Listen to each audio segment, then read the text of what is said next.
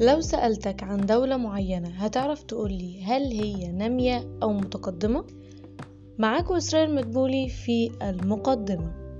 والنهاردة هنتكلم عن مؤشر التنمية البشرية اللي من خلاله بنعرف إذا كانت الدولة متقدمة أو نامية. بس قبل ما نتكلم عن مؤشر التنمية البشرية حابة أعرفكم عن سلسلة المؤشرات. وهي زي لما بتطلع النتيجة وبنرتب الطلاب حسب نتيجتهم ونطلع العشرة الأوائل المؤشرات برضو بتعمل كده. نختار مجال معين مثلا زي التنمية البشرية أو الفساد أو السعادة وبنبدأ نرتب الدول. ونطلع أعلى خمس دول وأدنى خمسة على المؤشر. وبس كده. نرجع تاني بقى لمؤشر التنمية البشرية. أول سؤال هيراودنا إيه أهمية مؤشر التنمية؟ وهنا أقدر أقولك إنه بيساعدنا نفرق إذا كانت الدولة دي متقدمة أو نامية. وكمان بيقيس أثر السياسات الاقتصادية على الشعوب. يعني مثلا ساعات الحكومات بتقرر تعمل بعض السياسات الاقتصادية زي إنها تزود إنفاقها في مجال معين أو إنها تقلل الضريبة. وهنا بقى بيساعدها مؤشر التنمية البشرية في إنها تعرف هل إنفاقها ده ساعد في التنمية ولا كلام على ورق؟ تاني سؤال انت أكيد عايز تعرفه يا مستهلك. المقياس ده بيقيم حسب إيه؟ أو إيه معايير المؤشر؟ أو إيه اللي المفروض يكون عندي في الدولة عشان آخد مركز عالي في المؤشر ده؟ وهنا أقولك إن المؤشر ده له ثلاث معايير. أول معيار هو متوسط عمر الأفراد. تاني معيار هو متوسط سنوات دراسة الأفراد.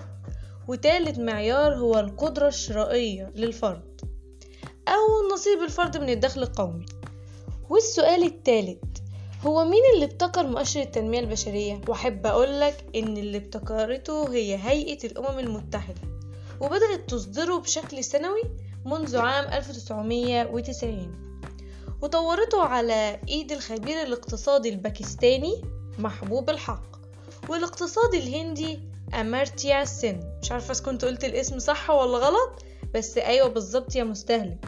هو اللي حصل على جايزة نوبل في الاقتصاد قبل كده. رابع سؤال هو أحسن سؤال. وهو إيه أعلى الدول وأدنى الدول على المؤشر؟ بس قبل ما نجاوب على السؤال حابة أنوه إن مش كل دول العالم مشاركة في التقرير ده.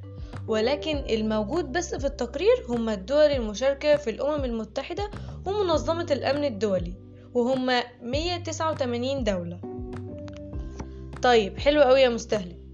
حسب تقرير سنة 2018 أعلى الدول على المؤشر هي النرويج وحصلت على المركز الأول بجدارة. تاني دولة على المؤشر هي أيرلندا. وهي واحدة من أكتر الدول سعادة في العالم. تالت دولة على المؤشر هي سويسرا ورابع دولة هي هونغ كونغ وخامس دولة هي أيسلندا. وهي برضو دولة من أكتر الدول سعادة في العالم على مؤشر السعادة. وهنا نلاحظ يا مستهلك إن في علاقة بين مؤشر التنمية البشرية ومؤشر السعادة. يعني الدولة اللي بيكون فيها اهتمام بالصحة والتعليم ودخل الأفراد ده بيأدي بدوره في إن المواطنين بيبقوا سعداء وياخدوا مركز عالي على مؤشر السعادة العالمي طيب يا إسراء إيه بقى أدنى الدول على المؤشر؟